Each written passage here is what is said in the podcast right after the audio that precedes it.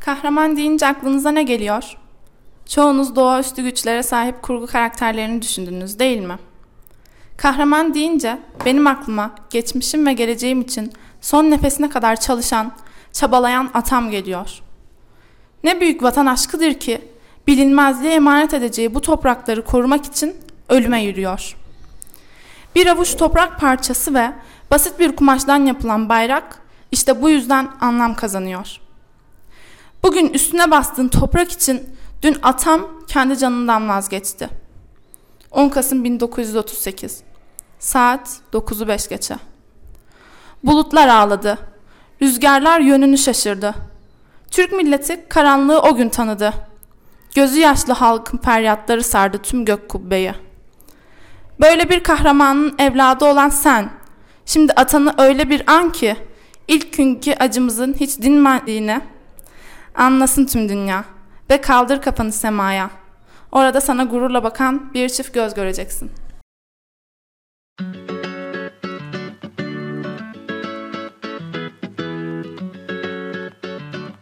Cemil Meriç Fen Lisesi Sorularla Gündem Podcast kanalına hoş geldiniz. Bugün 10 Kasım ve biz bugünkü programımıza 10. sınıf öğrencilerimiz Beyza Nur'un kaleminden dökülenlerle başladık. Bugünü konuşmak aslında çok kolay değil. Alparslan Bey ile beraberiz yine çok büyük bir lideri konuşacağız. Dilimizin döndüğünce evet. diyelim. E, çünkü e, konuşulacak yönü o kadar çok ki, evet. anlatılacak şey o kadar çok ki.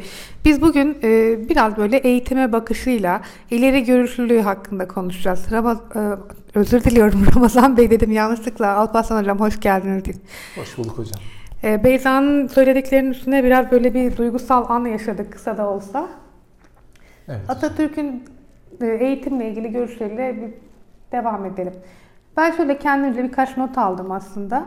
Ee, mesela Şevket Süreyya Aydemir Mustafa Kemal için şöyle bir şey söylemiş. Heyecan adamı değil mantık adamıydı. Keskin ileri görüşlüydü. Analiz yeteneği, yön tayin etme gücü müthişti. Bunu zaten eğitim alanında yaptıklarında da görüyoruz değil mi Sayın Hocam? Evet hocam. Şimdi gerek eğitim alanında gerek hani biraz da askeri alanda ya da işte 20. yüzyılın başındaki ve ilerleyen dönemlerdeki gelişmelerin Atatürk tarafından daha önceden öngörülmesi sizin dediklerinizi destekleyen yönde hocam. Mesela işte ileri görüşlülüğü, işte mantıklılığı bunlara dair birkaç örnek vereyim isterseniz. Çok iyi olur. İşte savaş, Birinci Dünya Savaşı başlamadan önce Almanya'ya e, gittiği bir gezide herkes savaşın Almanya'nın kazanacağı yönünde hem fikirken Gazi Mustafa Kemal Atatürk savaşı İngilizlerin kazanacağını açık bir dille, açık sözlülüğüyle burada çok önemli hocam çünkü e, hatta şaşırıyorlar. Neden? E, diyor ki sizin diyor belki çok iyi bir kara ordunuz olabilir. Çok iyi bir ordunuz olabilir ama diyor İngilizlerin de bitip tükenmeyen bir sömürge ağı var. Ve gerçekten de onun dediği oluyor hocam. Yani onun bir galip geliyor. Yine işte Çanakkale cephesinde malum biliyorsunuz düşmanın işte herkes Biga Yarımadası'na asker çıkarmasını beklerken o Gelibolu Yarımadası'nı işaret ediyor. Yine 1930'lu yıllarda e, Sovyetler Birliği'nin yıkılabileceğini öngörmesi, ki o dönemde Sovyetler Birliği ile çok iyi bir dostluğumuz var tabi. Emperyalist güçlere karşı milli mücadelede Sovyetler Birliği ile Atatürk'ün işte Lenin döneminde, Stalin döneminde bir işbirliği, bir dayanışması var. Ki herkes şaşırıyor ki dediği gerçekleşiyor. Bizler de bu anı yaşadık 1990'larda. Sovyetler Birliği dağılırken Gazi Mustafa Kemal Atatürk Sovyetler Birliği bir gün dağılacak. Orada bizim soydaşlarımız var. Onlara sahip çıkabilme noktasına hazırlıklı olmalıyız demişti. Bu da onun yine hocam ileri görüşünü gösteriyor. Yine keza Eğitim noktasında da özellikle e, kurduğu müesseselerin bugün Türkiye'nin en önemli kurumlarına dönüşmesi, e, nitelikli eğitim vermesi, çok donanımlı olmaları ve yerinde tespit ettiği eksikleri de gidermesi de bunu önemli hocam. Bir de hani eğitim noktasında dediğiniz ileri görüşlü. Mesela Kurtuluş Savaşı'nın en bunalımlı günlerinde evet. düşman kuvvetlerinin kesin sonuca ulaşmak hayaliyle baskılarını arttırdıkları, de ordumuzun Sakarya'ya kadar çekilmesine yol açan Kütahya Eskişehir yöresindeki Yunan saldırısının tehlikeli şekilde geliştiği günlerde 16 Temmuz 1921'de Ankara'da Marif Kongresi'ni evet. toplamıştır. Ve bu kongredeki bir konuşmasında şöyle söylüyor. Silahıyla olduğu gibi dimağıyla da mücadele zorunda olan milletimizin birincisinde gösterdiği kudreti ikincisinde de göstereceğime asla şüphem yoktur diyor. Yani evet. savaş anında Marif Kongresi'ne Tabii. toplamak. Tabii burada hem eğitimcilere verdiği önemi görüyoruz hocam, öğretmenlere. Aynı zamanda bunu destekleyen yönde yine bir Atatürk'ün anısını size paylaşayım hocam. Savaş bitmiş. Etrafında gazeteciler deme çalıyorlar. İşte savaş bitti paşam, kazandınız, muzaffer oldunuz, sizin liderliğinizde büyük bir zafer kazanıldı. Artık ne düşünüyorsunuz denildiği noktada diyor ki asıl savaş diyor. Nedir paşam asıl savaş? Cehalet ve yoksullukla diyor. Tabii ki Atatürk şunu biliyor. Cehaletle yenile, cehaleti yenecek ordu bir irfan ordusu, eğitim ordusu.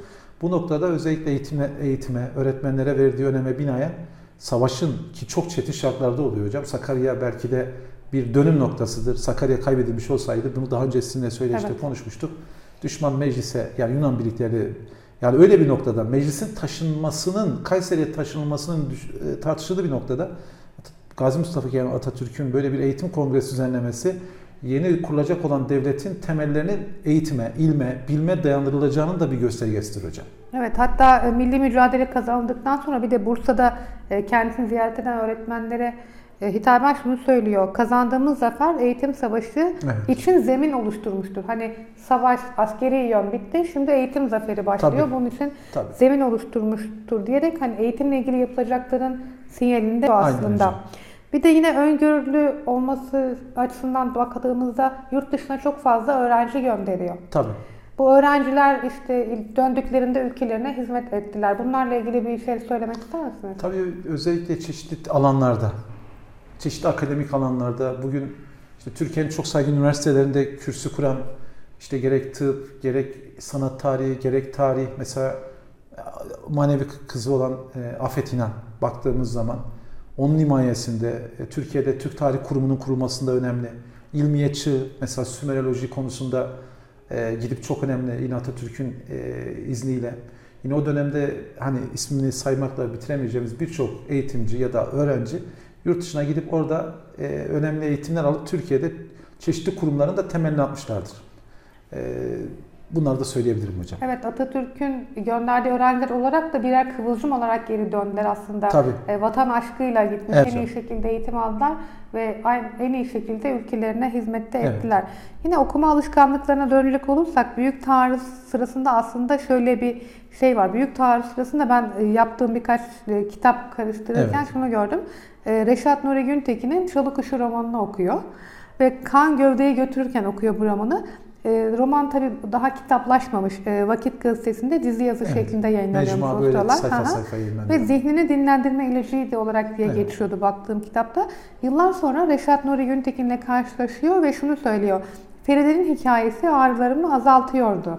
Evet. Yani e, büyük taarruz esnasında o savaş anında bile okumayı ihmal etmeyen bir lider aslında. Evet.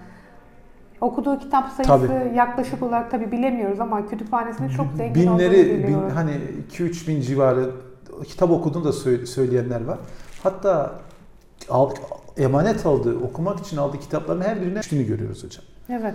Aynı zamanda şunu da söyleyeyim ben size. Trablusgarp cephesinde, ya Trablusgarp Savaşı daha doğrusu buraya gönüllü olarak gittiği zaman işte e, bütün subayların, kurmayların dinlendiği bir zamanda işte bir kandil ya da bir gaz lambası ışığında kitap okuduğunu, adının işte kitap okuyan komutana çıktığını, işte cepheden cepheye taşınırken askerlerin e, neyi taşınır işte günlük ihtiyaç duyduğu şeyler ama işte kitaplarının taşındığını anlatan nakiller var hocam.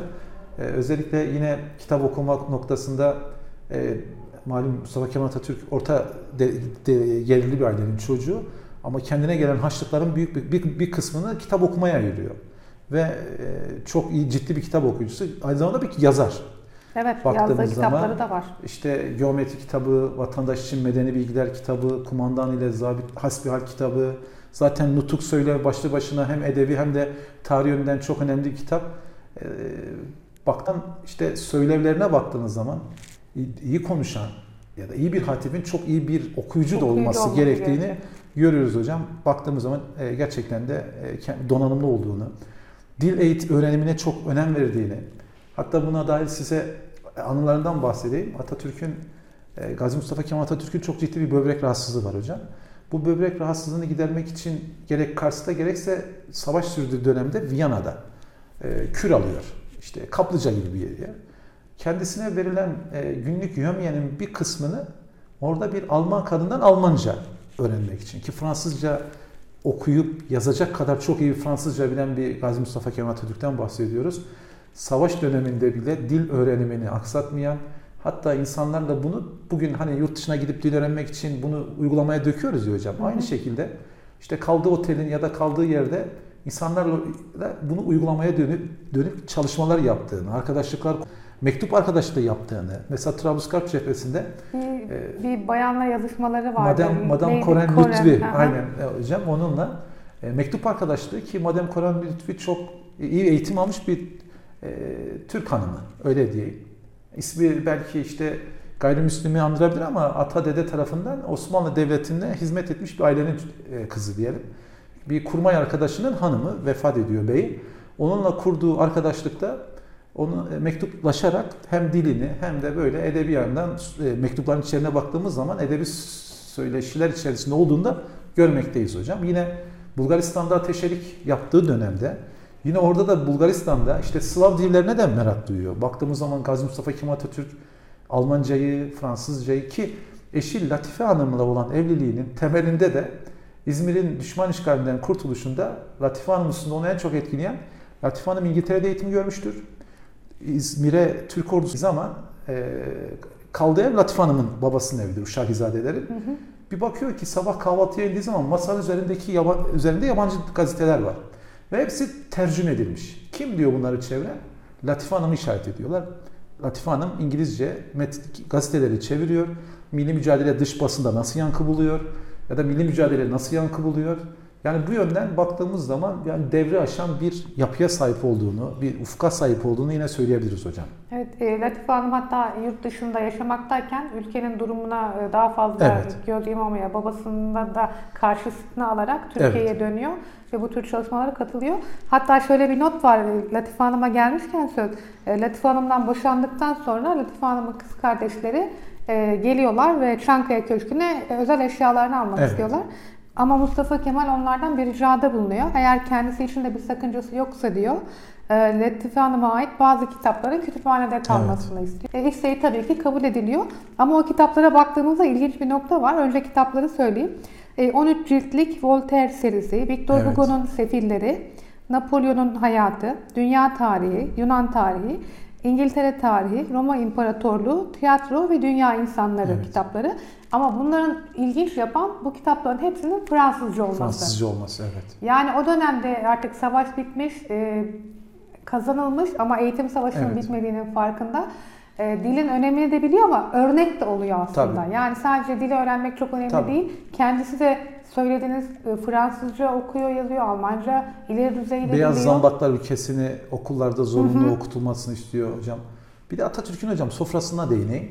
Atatürk'ün Çankaya Köşkü'ndeki sofrasında temel unsur o gün işte kültür, edebiyat, eğitim, bilim konusunda e, duayen, iyi yani kendini çok iyi geliştirmiş bilim adamı, akademisyenlerin, yazarların, çizerlerin buluştur.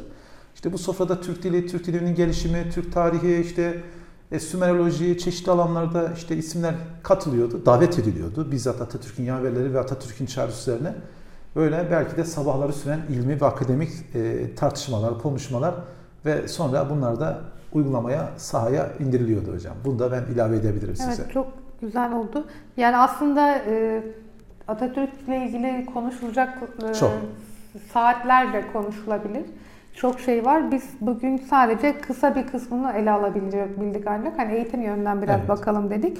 Bir de son olarak ben şunu eklemek istiyorum. Mesela soyadı kanunu çıktıktan sonra da aslında kendi e, evet. imzasını da evet e, Osmanlı döneminden de yapan e, güzel bir imzası evet. var aslında ama yine bir öğretmene tasarlatıyor aslında. Kaligrafi eğitimi Tabii. almış bir öğretmene. Bu da öğretmenlere verdiği değeri gösteriyor. Robert Kolej'de matematik ve coğrafya dersleri veren Hagop Vahram Çelçiyan adlı öğretmen evet. anlatıyor. E, bu da e, yine eğitime verdiği önem Tabii. diyebiliriz. Yine burada baktığımız zaman hocam bir başka husus azınlıklara verilen önemi de Tabii. gösteriyor. Yani bir Aynen. azınlık ya da Türk vatandaşı diyebilirim. Çünkü neticede hani Lozan'dan sonra azınlıklar hepsi Türk vatandaşı sayılır. Yani onları da eğitime, kültüre, çalışmalara dahil eden bir üslubun da olduğunu görüyoruz hocam. Evet.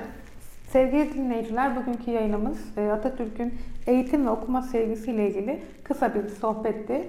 E, yokluğun üzerinden 83 yıl geçti. E, ama düşünceleri, yaptıkları halen bize ışık oluyor. Onun ülkesinde yaşıyor olmaktan, onun kurduğu ülkede yaşıyor olmaktan her zaman gurur duyuyoruz. Evet. Emaneti emanetimizdir. Sonsuza kadar da e, elimizden geldiğince sahip çıkacağımızdan emin Evet. olabilirsiniz. Alparslan Hocam çok teşekkür ediyorum. Ben de teşekkür Katkıda ederim. Gazi için. Mustafa Kemal Atatürk'ün şahsında milli mücadeleye değer katan, can veren bütün şehitlerimizi onu rahmetle ve minnetle yad ediyorum. Teşekkür ederim hocam. Sağ olun. Bir dahaki yayınımızda görüşmek dileğiyle. İyi günler.